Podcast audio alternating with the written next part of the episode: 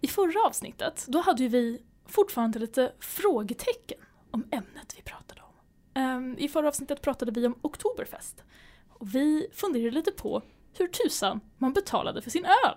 Logistiken kring det Logis- hela. Yes, vi vet hur man gör ölen, vi vet vad som händer, men vi vet inte hur fan man betalar.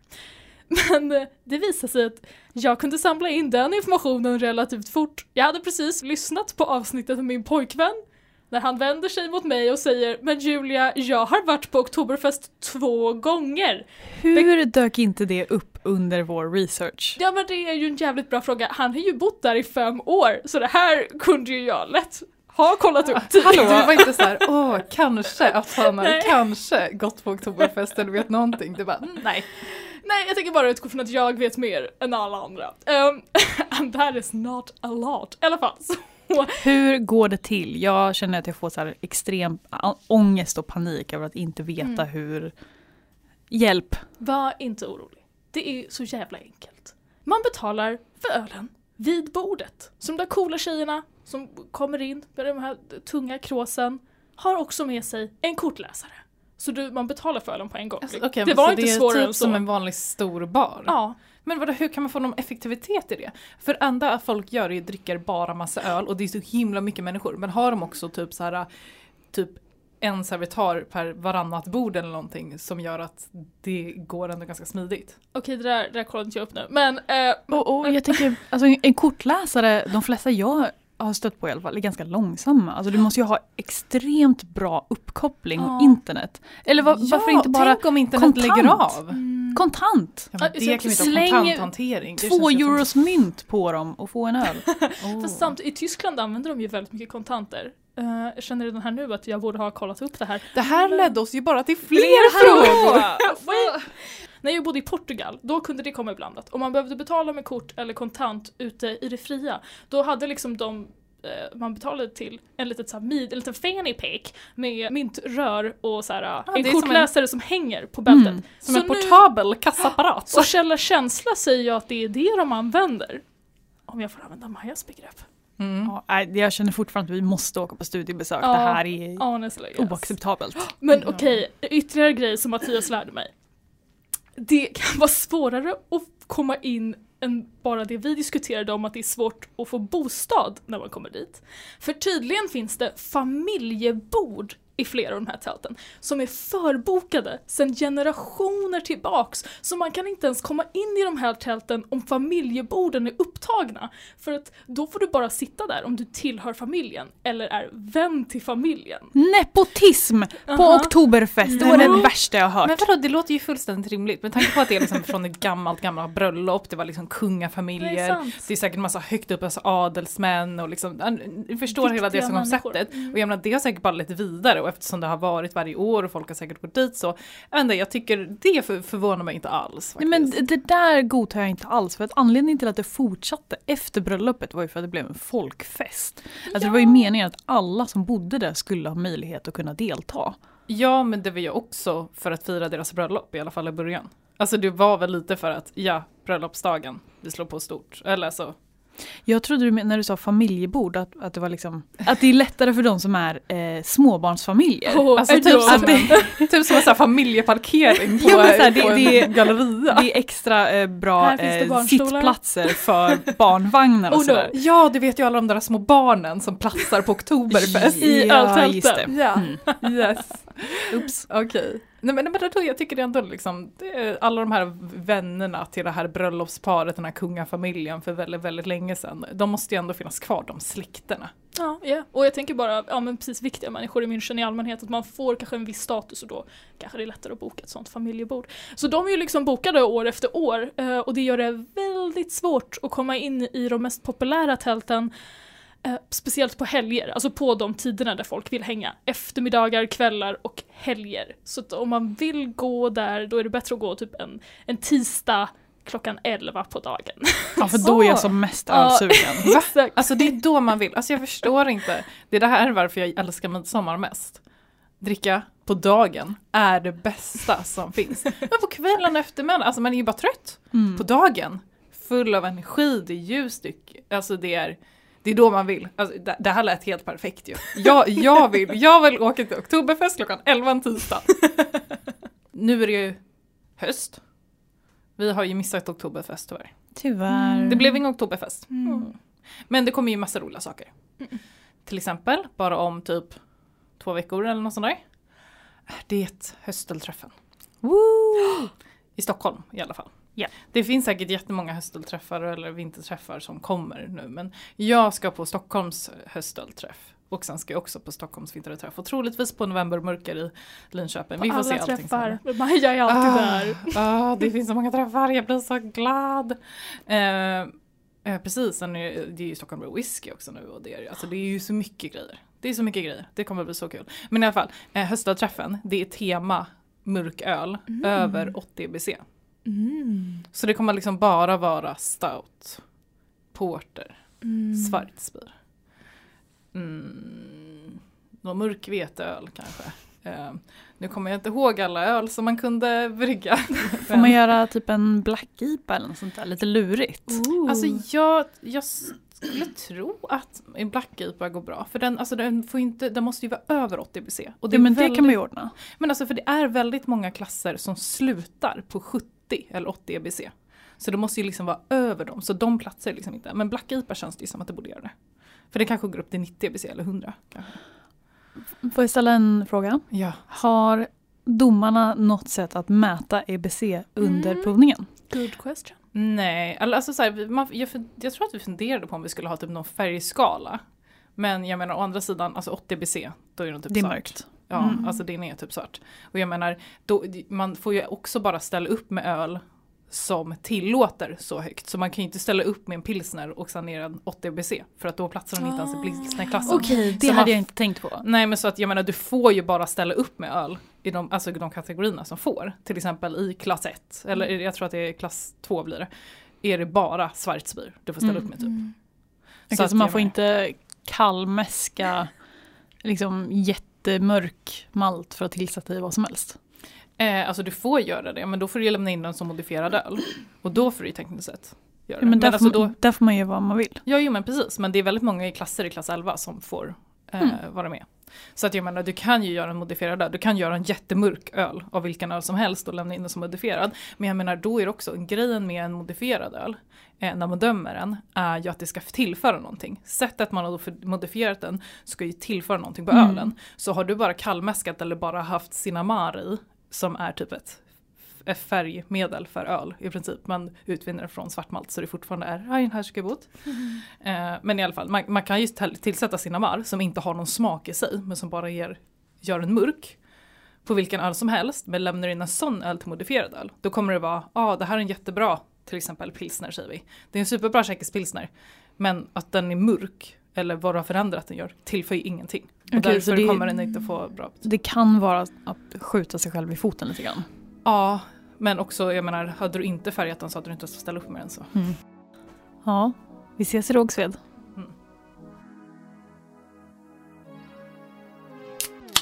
Hej och välkomna till Humlepodden, en ölpodd med mig, Julia Jacka. Maja Koivunen. Och Rebecca Findell. Idag ska vi prata om skördefest och pumpaöl. Var kommer ölstilen från? Hur brygger man den? Och ja, är den god? Vi kommer smaka en pumpöl från Griffin Claw Brewing Company och kommer sist men inte minst prata om häxor och öl. Det här vill du inte missa. Nu kör vi!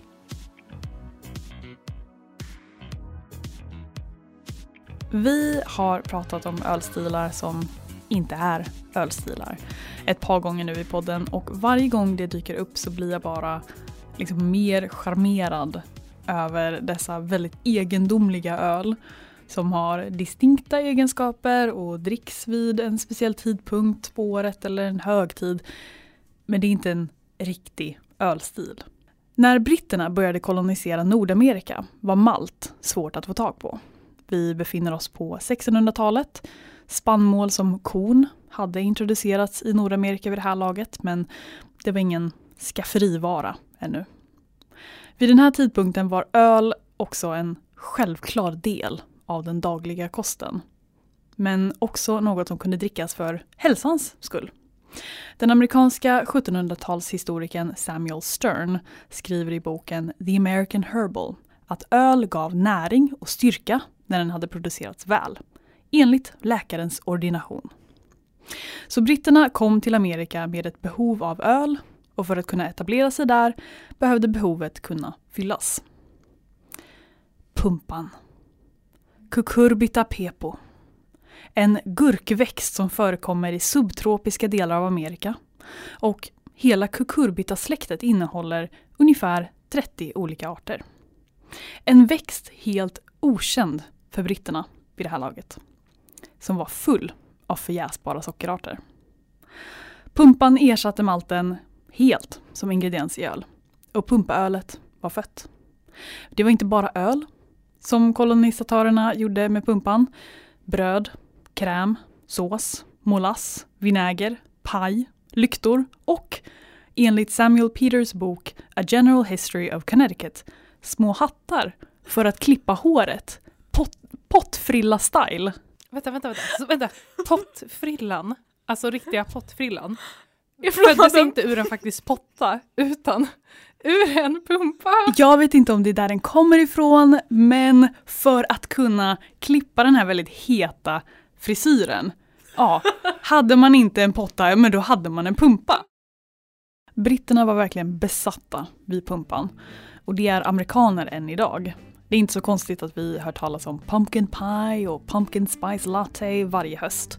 Eftersom pumpan inte bara hör hemma i Nordamerika utan det var del av anledningen till att koloniseringen av Amerika gick så bra som den gjorde. Att brygga med 100% pumpa är inget som görs idag utan det är snarare en pumpapaj i ett glas som många bryggerier är ute efter att skapa. Pumpa i sig är söt, förvisso, men annars ganska smaklös. Kanel, muskotnöt, kryddnejlika, ingefära, kryddpeppar. Dessa är smakerna vi förknippar med pumpaöl. Men kryddor var dyrt och svårt att få tag i för 400 år sedan. Så ett kryddat pumpaöl är enbart modernt. Det var jättesvårt att hitta ett historically accurate pumpaölsrecept från 1600-talet. Och min liksom primära misstanke är att det kanske inte var tillräckligt gott för att spara i historieböckerna utan det, här, det var någonting man gjorde av liksom, nödvändighet. Frank Clark, bryggmästaren på Colonial Williamsburg, ett slags levande historiemuseum i delstaten Virginia, berättar att om han skulle bygga ett historiskt inspirerat pumpaöl skulle han snarare använda ungefär 60-70% pumpa och resterande del ljus malt.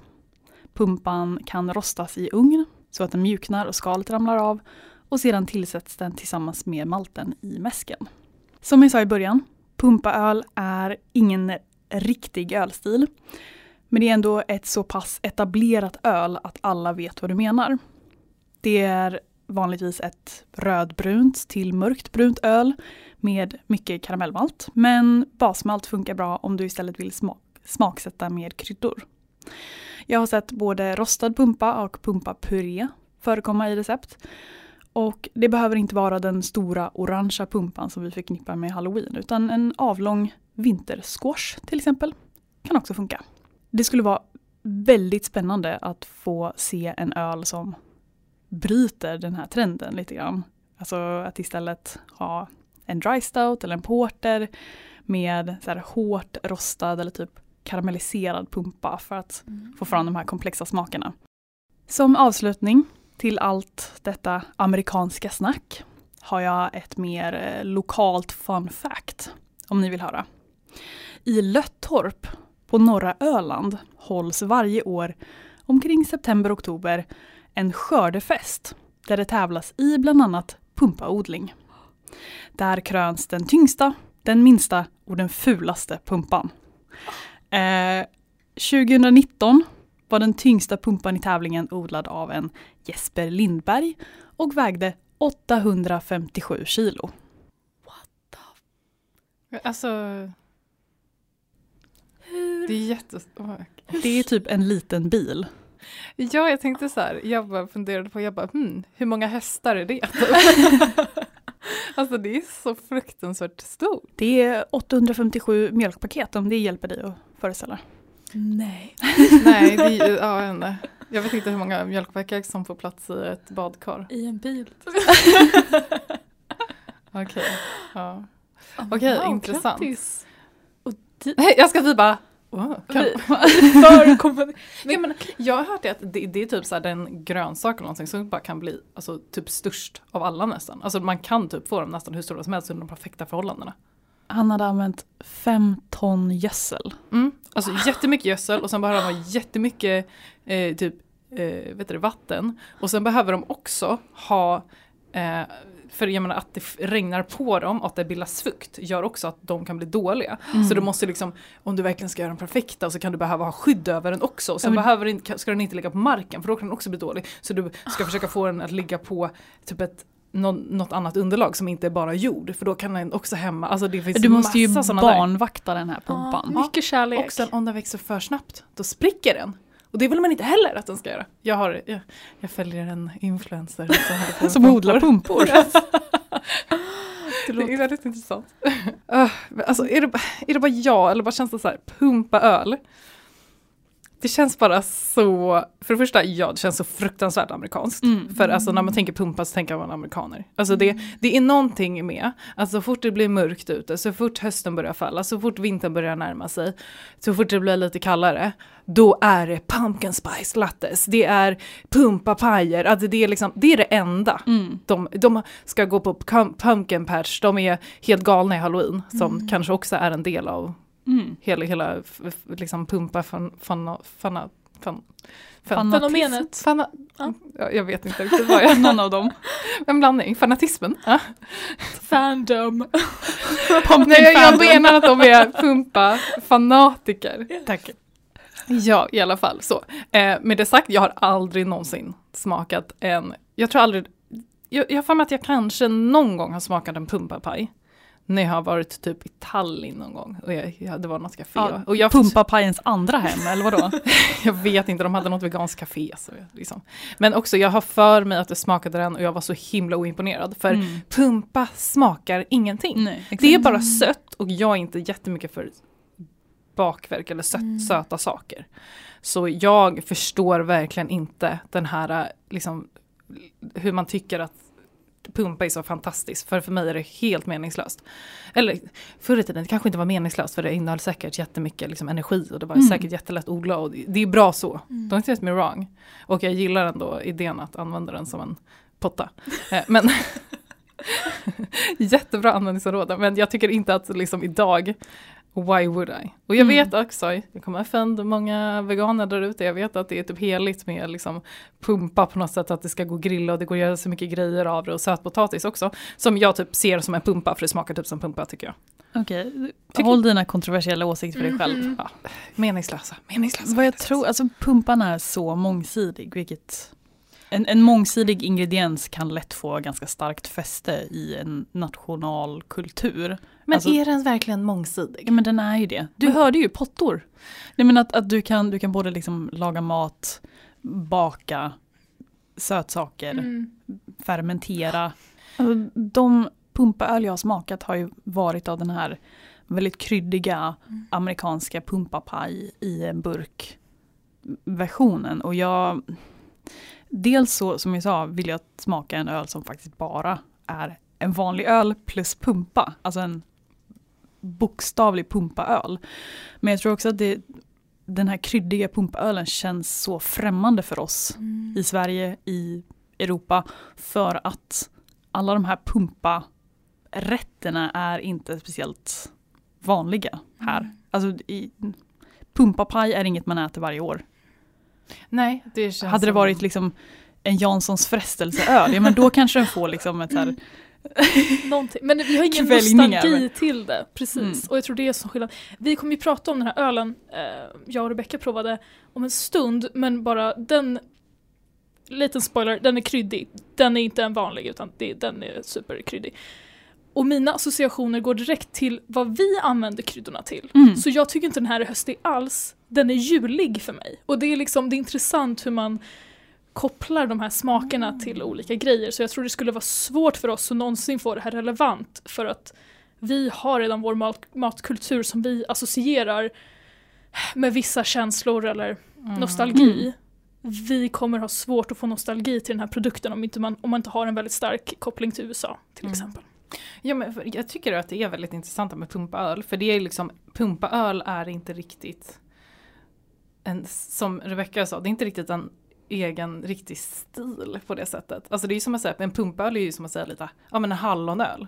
En pumpaöl är en öl med pumpa. Mm. Sen de absolut allra flest, flesta exemplaren, speciellt de kommersiella exemplaren, där använder man ju snarare kryddor som associeras med de klassiska pumpapajerna. Mm. Det är, man det är ju det man är ute efter, man är inte ut- ute efter en öl som smakar pumpa, man är ute efter en öl som smakar pumpapaj. Så att då har man ju ofta de här kanel och kryddpeppar eller ingefära eller vad det nu är, alltså de, de kryddorna i för att den ska smaka inom parentes pumpa. Men i själva verket så har, tror jag, många av de här kommersiella pumpaölen eller pumpkin ales, de tror jag inte ens har pumpa i. Mm, kanske. Alltså jag har svårt att se att ett stort kommersiellt liksom, bryggeri skulle liksom göra det effort och bara hålla på med pumpor. Alltså jag menar, det är ganska mycket handarbete och liksom. Men alltså, du måste förstå att pumpa odlas i sådana kopiösa mängder i USA. Alltså det är typ, jag tror det var kanske 80 till 100 gånger mer än vad vi odlar i Sverige. Ja, men alltså jag har svårt, för jag försökte kolla lite, lite mer på så här, hur man faktiskt brygger med pumpa. Eh, för du nämnde ju lite hur man... eh, I mäsken. Ja, precis. Men du kan också, eh, för eh, när jag kunde läsa så kunde man också göra det typ som, alltså musta det. Alltså man tar ut typ saften Mm. och har juicen och använder det i kanske sekundärjäsning eller tillsätter det i koket bara. Eh, och på så sätt får det liksom pumpan i. Alltså man mustar det som vilket äpple som helst i princip. Eh, eller så kör man i mäsken eller i koket. Men för att köra i mäsken så behöver man väl egentligen så gelatinisera det. För du nämnde ju där att du kör den i eh, ugnen. Mm. Och eh, jag menar, och då får man den ju mjuk. Du får ju lättare, kan ju lättare greppa ur den ur skalet. Men den gelatiniseras också. Eh, så, och tänk dig själv, du står där med ditt bryggverk. Och sen har du massa pumpa i mäsken. Mm. Hur Gröt City. Ja, precis. Hur lätt tror du det är att laka? Mm. Nej men så, jag menar i, i, i teorin, ja men i praktiken tror jag att det är ganska jobbigt att hantera pumpa i liksom när man brygger. Alltså i en liten skala, du kan hålla på, speciellt om du kanske kör i en eh, gryta bara och kör biab eller något. Då kanske det är liksom lite lättare. Men jag kan inte tänka mig om jag skulle ha i liksom ett kilo pumpa i min öl i mäsken. När jag brygger med min Brahmeister. Alltså jag Mm. tror verkligen att det skulle sätta igen. Eh, Men, eh, men som sagt, jag, så jag tror att eh, man kan köra, man kan juica det eller, eller man mustar det, så vitt jag vet. Om man ska tillsätta mäskan så ska man köra den i ugnen innan så att den faktiskt blir mjukare. Du kan göra en puré av den. Eh, det kan du också tillsätta i jäsningen. Eh, men du kan också mäska, du kan ha i det i koket. Eh, så att det verkar ändå väldigt mångsidigt, alltså du kan tillsätta det på lite, vilket sätt som helst. Ehm, men, men sen kommer det ju till de här kryddorna, för allra flesta har ju kryddor i. Och visst, skulle du göra som hembryggare så skulle du nog ha pumpa i, men jag tror som sagt de flesta kommersiella bryggerier, de kör nog pumpkin spiced. Så att de har kryddor som traditionellt är associerade till pump, inte, pumpkin pies helt enkelt. Alltså, jag, jag har sett några sådana här amerikanska öl där det står på burken “with real pumpkin”. så att, att man behöver göra den distinktionen så Mm. tror jag absolut att det finns några fusklappar. Ja, och jag tänker att kanske, kanske är man liksom ett craft brewery Mm. och verkligen vill göra en vint, då gör man nog med riktig pumpa. Men kör man lite större och kör man lite mer, då tror jag att det blir svårt. Men i alla fall, också så här, ska du göra en pumpa, då måste du välja mellan två. Antingen gör du en krydd, kryddöl eller så gör du liksom en pumpaöl som inte smakar pumpa. Men jag tänker på, ska du smaka pumpa, för som vi kom fram till, pumpa smakar typ ingenting. Det är mest sött. Och vad händer med sötman? Jo, den försvinner när du jäser.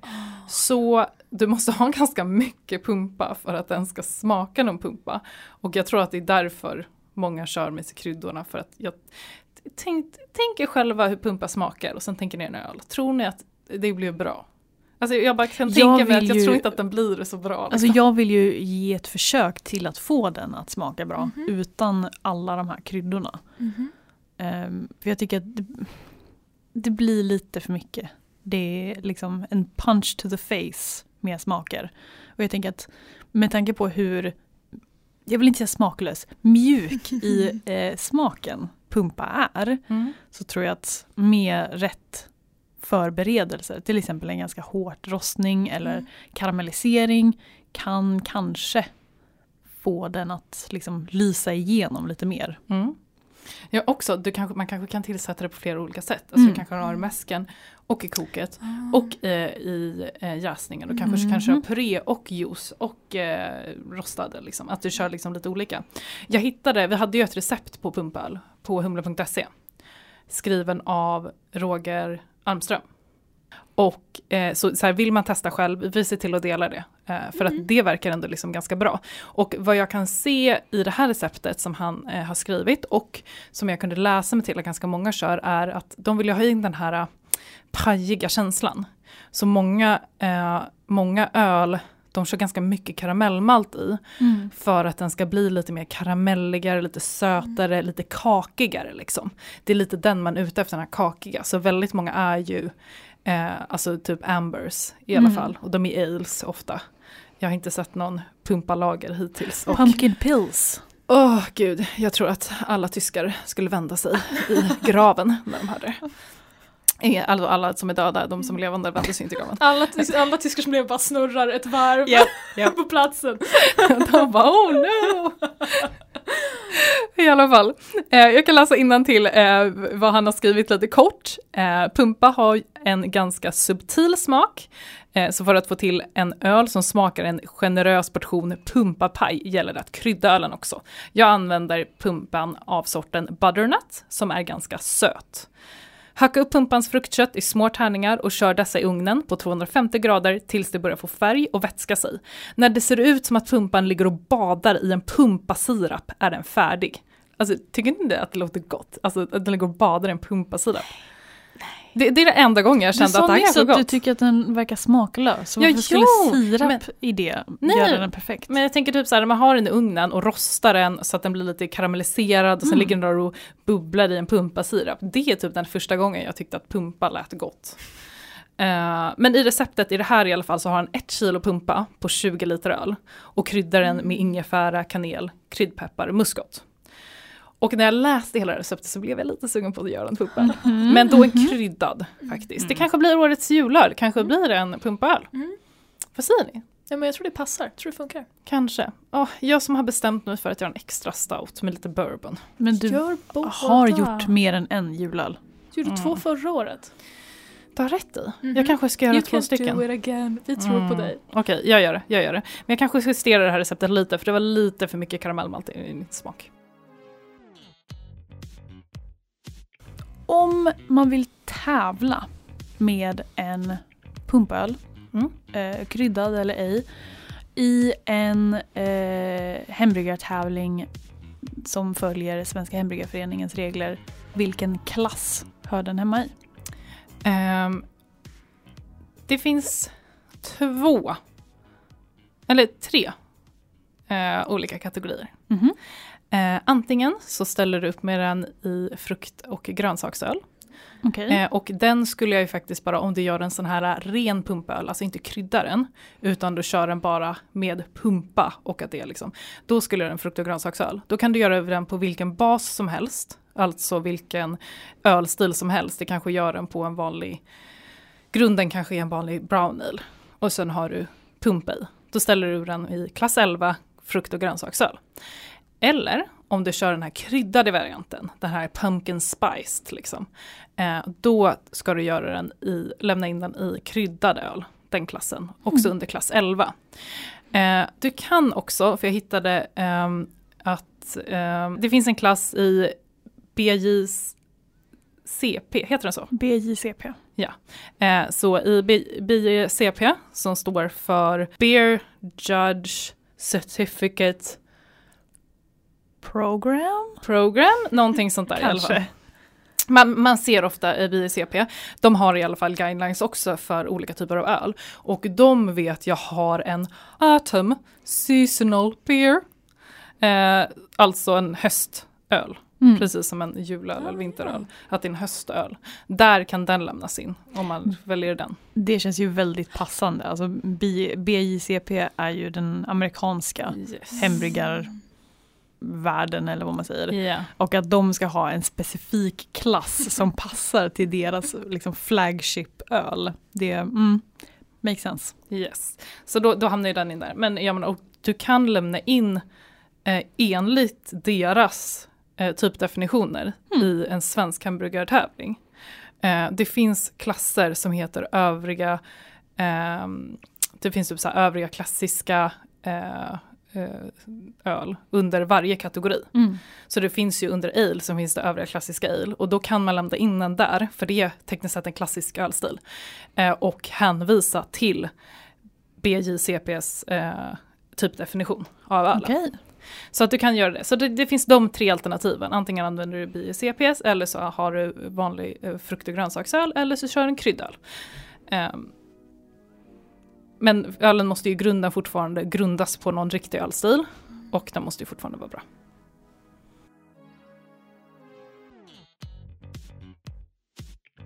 Ni två, Julia och Rebecca, har ju testat en pumpöl Ja.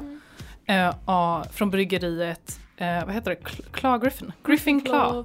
Griffin Claw Brewing Company. Griffin Claw. Varför låter det som Ravenclaw? Det Eller Gryffindor. Ja, det är som en tänker- vanlig med Gryffindor och Ravenclaw. Harry Potter, ja. Mm. Oj, undrar om det är en grej?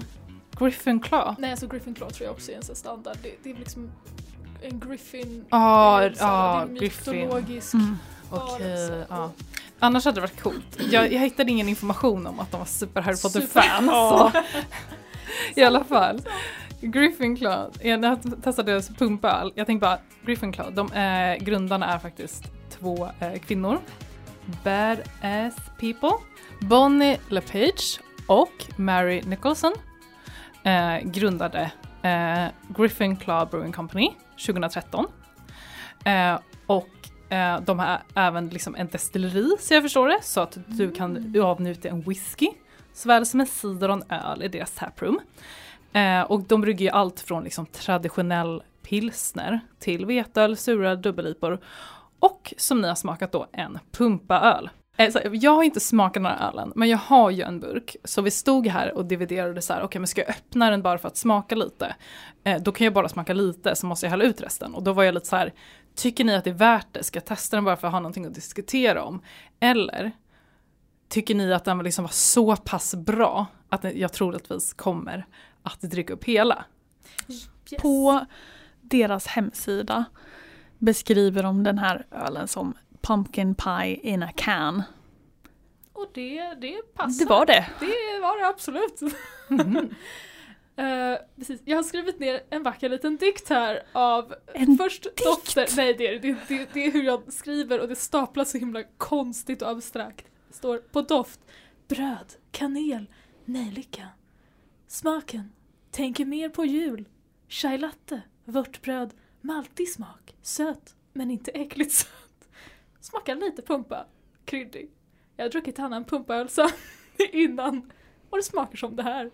Och det är mina tankar om den här ölen. Okej, men det lät ju ändå som att den var vad den utgjordes att vara. Vad tycker du Rebecka? Det skulle jag nog hålla med om. Att den är vad den påstår sig vara. Mm. Sen huruvida jag tycker om det, det är en annan fråga.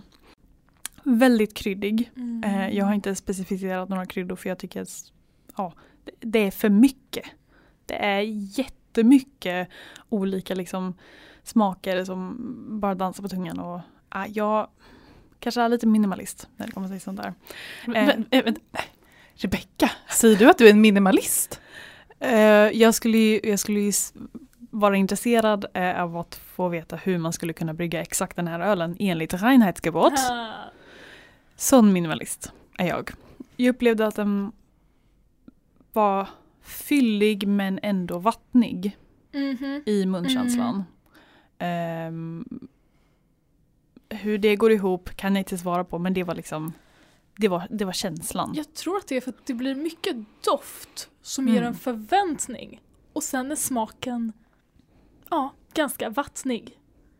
Och jag tror det blir konsekvensen av det. Liksom blaskig Mm, precis. lite grann.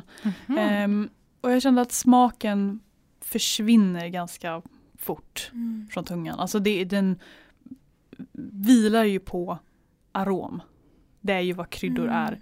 Och, och det liksom så fort du sväljer så, så försvinner det lite grann. Vilket betyder att man dricker lite mer och lite mer för att ha kvar den här smaken. Så det kanske, det kanske är ett, liksom ett, eh, att det var meningen. Ehm, väldigt fin färg. Mm. Alltså en mörk bärnsten, liksom rödaktig, superfin. Ehm, det var en jätte...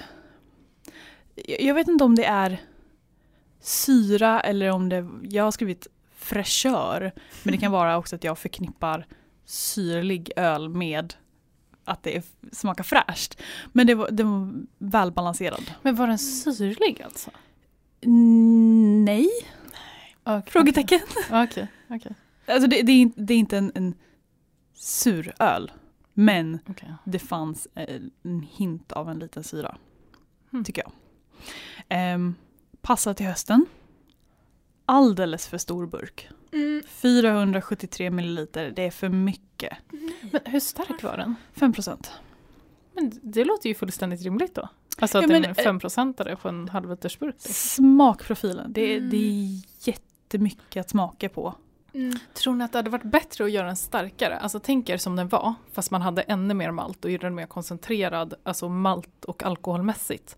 Och sen bara drack mindre av den. Mm. Tror ni att det hade varit bättre? Alltså I- blev den obalanserad på grund av att den inte var tillräckligt stark? Liksom? Eller Kan vara. I somras fick jag smaka på en kryddad pumpaöl som var, om det var alltså 12-13 procent på en liten 33 burk.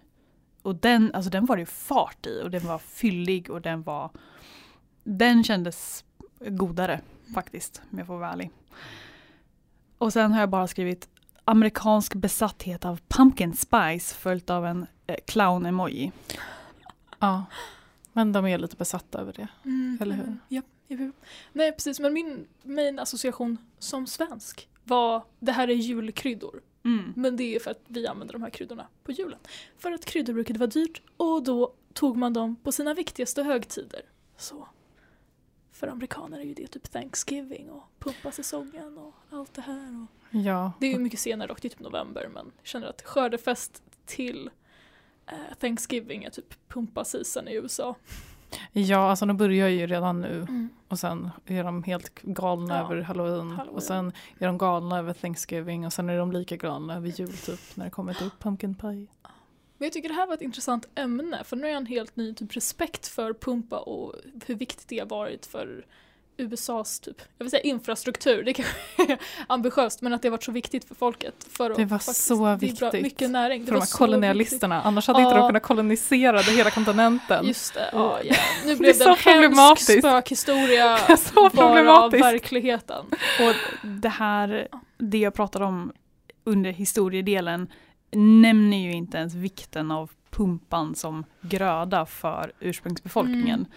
Som eh, pumpan är en del av så kallad, så kallad Three Sisters, vilket är en odlingsmetod.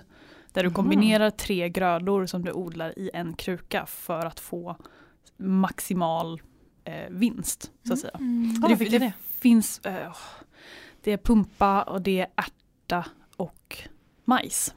Ja, that makes sense. Så det, och det är The American Holy Trinity. The native American The Holy native Trinity. American. Och då är det liksom eh, majsskälken är stora systern som vakar över de andra.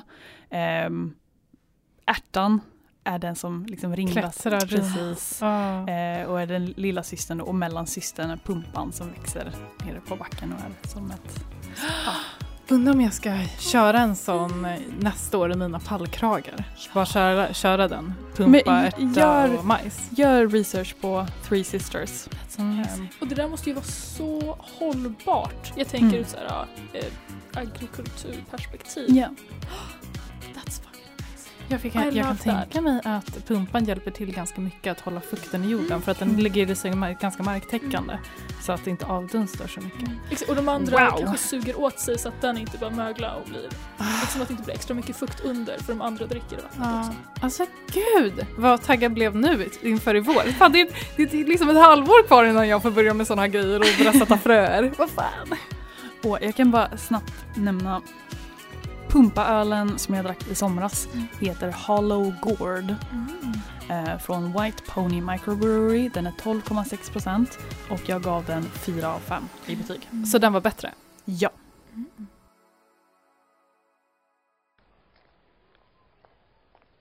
Jag vill att ni båda blundar. Alla där ute som lyssnar, ni får också gärna blunda. Om ni inte kör eller något, you know, stay safe, don't close your eyes and drive. Eh, men jag vill att ni som, som kan blunda blundar och för ert inre öga ser en gata. Det är 1601 och tre kvinnor går ner för gatan. De har höga, svarta, spetsiga hattar på sig. De svänger in i en liten lokal. Precis utanför dörren står en kvast lutad mot dörrkarmen. En katt springer ut genom porten när den sista kvinnan går in genom dörren. Inne i lokalen är det mörkt och massa ljus är tända. Och längst in i rummet står en stor kittel och kokar. Vad tänker ni på? Vad är det ni ser? Häxor. Of course. Eller åtminstone den här kommersiella karikatyren av en häxa. Ja, jag tänkte det absolut att det var en svart katt som sprang ut. Ja. Men va, vad var det i grytan? Mm. Det ska vi... Jag, jag, såg, jag såg framför mig en sån här gigantisk, alltså vi snackar, eh, vad heter de, Asterix och Obelix. Eh, Mm. Så alltså, ja precis, en ja. sån, så här gigantisk som står över en eld. Och bara, Mm. Kanske har de kastat i stora varma stenar i eller något spännande. ah, så att den bubblar. Ja. Steinbier. För nej, det vi ser är tre alewives. Aha! Om, Åh, såklart! Ja. Om du inte har hört avsnittet Alewives Unite eh, har du kanske inte hört termen Alewives och då rekommenderar jag starkt att du efter att ha lyssnat klart på det här avsnittet hoppar till avsnitt 6 av Humlepodden Alewives Unite där vi pratar om kvinnor i ölhistorien. I säsong ett. i säsong 1. Tack. Men snabb repetition. Alewives var namnet man gav kvinnor som bryggde öl.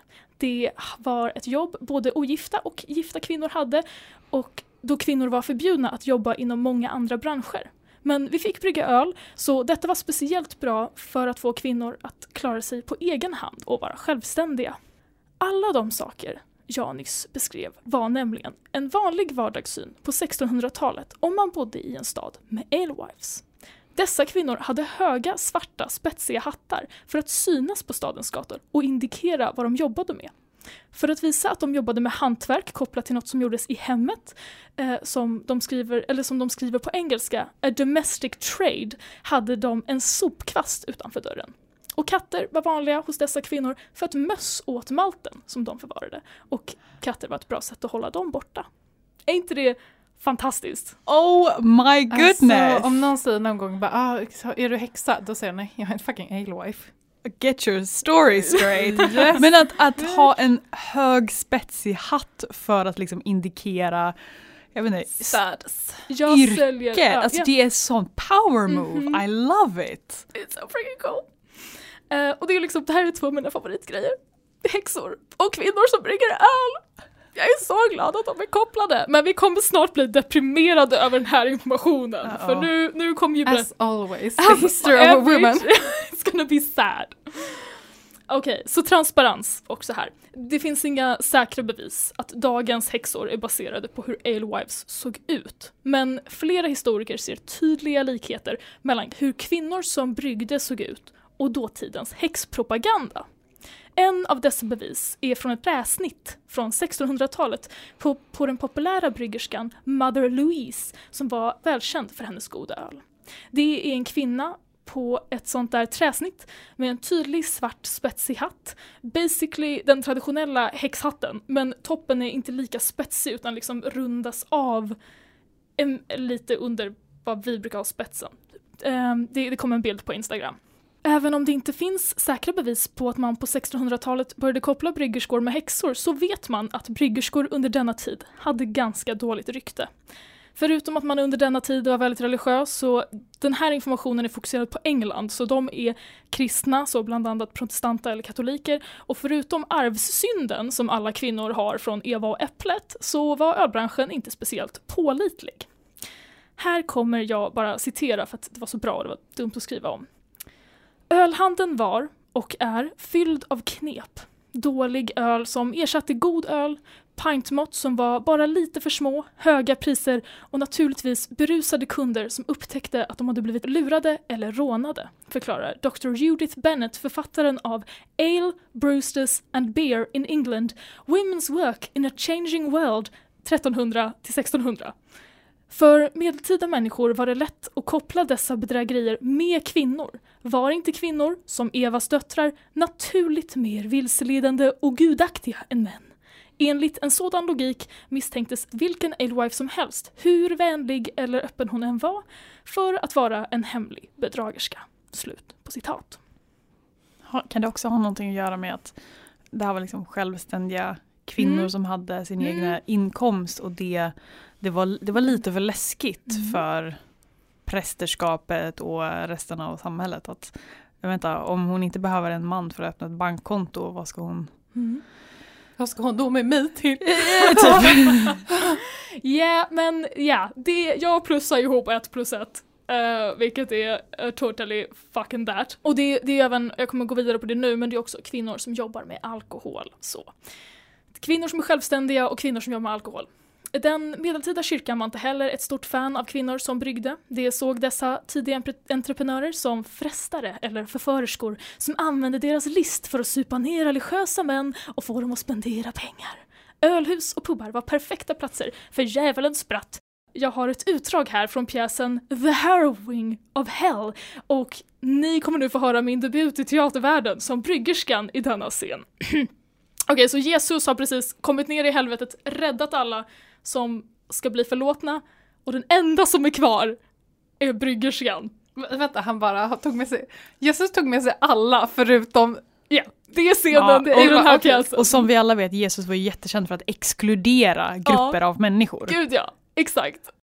Sometimes I was a taverner, a gentle gossip and a tapster, of wine and ale a trusty brewer, and woe hath me wrought.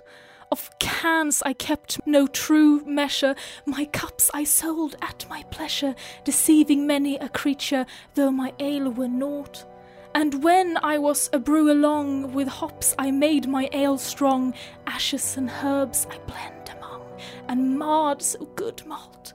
Therefore I may my hands wring, shake my cups and cans cling, sorrowful may I sigh and sing that ever I so dealt.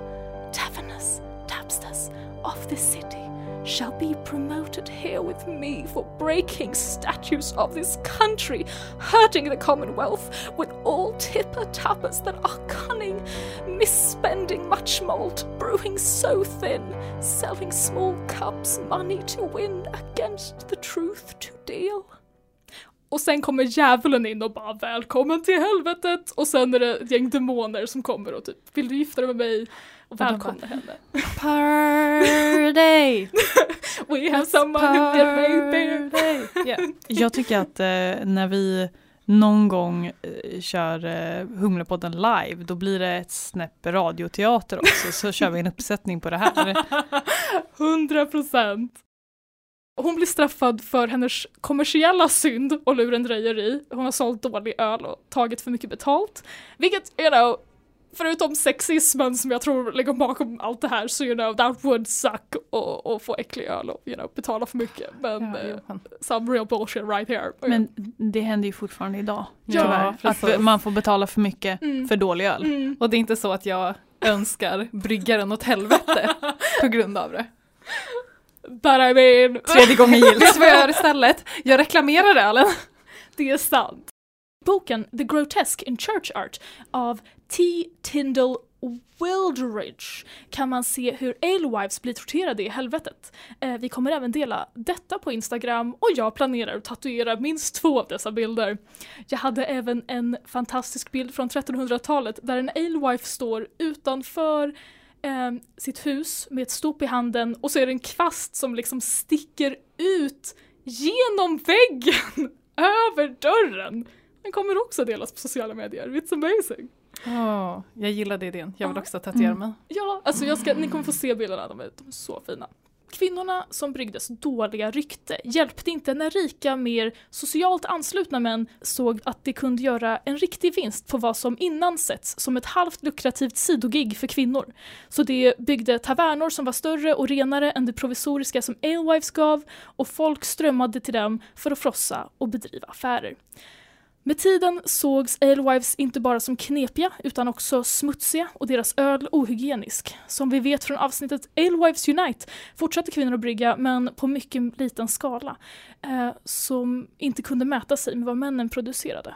Och här kommer ju alltid någon herpaderp och bara ja det här är ju bevis på att män är bättre. Men man måste också tänka på skillnaden på möjligheter här. Kvinnor hade inte samma möjlighet till utbildning de hade inte samma möjligheter eller rättigheter att driva egna företag eh, och fick inte heller ta lån. Så förutom att kvinnor som bryggde öl sågs som smutsiga och jobbiga hade de inte heller samma möjlighet att bygga företag som männen hade. Och sen, männen hade ju något att vinna på Mm. när de kallade deras öl för dålig. Mm, För det betyder att det frigjordes en plats på marknaden som de själva kunde ta. Och sen har också den här historien dokumenterats av män. Så man behöver ha en hel del kritiskt tänkande och läsa Mm. mellan raderna Mm. när man konsumerar den här historien. Mm. Eh, Så verkligen, bara för att sammanfatta det här. Okej, det finns inte 100% bevis för att bilder av häxor som vi ser idag är baserade på hur Alewives såg ut. Men Alewives brukade jobba med stora bubblande kittlar, de hade spetsiga hattar, de hade kvastar utanför dörren för att markera att de jobbade inom en domestisk bransch och de målades av hela samhället som opålitliga förförerskor som gav dig en dålig produkt och lurade dig på pengar och fick dig att synda. Och när man eh, slutar på den sorgliga noten är jag, är jag glad idag att, att jag älskar kvinnor som brygger och häxor och att eh, vi försöker att lite reclaima båda de koncepten eh, av magiska kvinnor och eh, kvinnor som brygger riktigt god öl. Jag tycker att eh, en ny komplimang som vi ska eh, börja använda är ale-wifey. Oh my god. Alltså wifey är ju någonting som har liksom, ja, gått runt och det betyder att man är lite liksom wife material, att man är wifey. Men jag vill ju vara ale-wifey. Då är du självständig. Knepig, lurendrejare, Förförisk! badass. Exakt. Nej men apropå det här. Absolut att jag aldrig någonsin kommer referera till häxor som häxor utan nu är häxor Alewives. Mhm. Och Alewives är häxor. Mhm. De två är två, det är samma. Yeah. Men eh, för några år sedan eh, så var jag på en träff med massa andra kvinnor i liksom, ölbranschen. Men då var grejen är att vi skulle ha en häxträff och att det var vi häxor som träffades och alla i ölbranschen. Och jag undrar om de visste det här då. Mm. Alltså de måste ha haft Mm. koll på det här sambandet. Mm. För jag tyckte, men det var ju också liksom i den här årssidan, Mm. så jag tänkte väl typ bara, ja ah, men det är närmare halloween, det är klart vi är häxor, vi är Mm. kvinnor då. Men det är möjligt att de visste, någonting inte jag visste. Mm. Att vi Alewives, we're fucking witches. Fuck yes. Witches and proud of it. I nästa avsnitt av Humlepodden ska vi prata om glögg.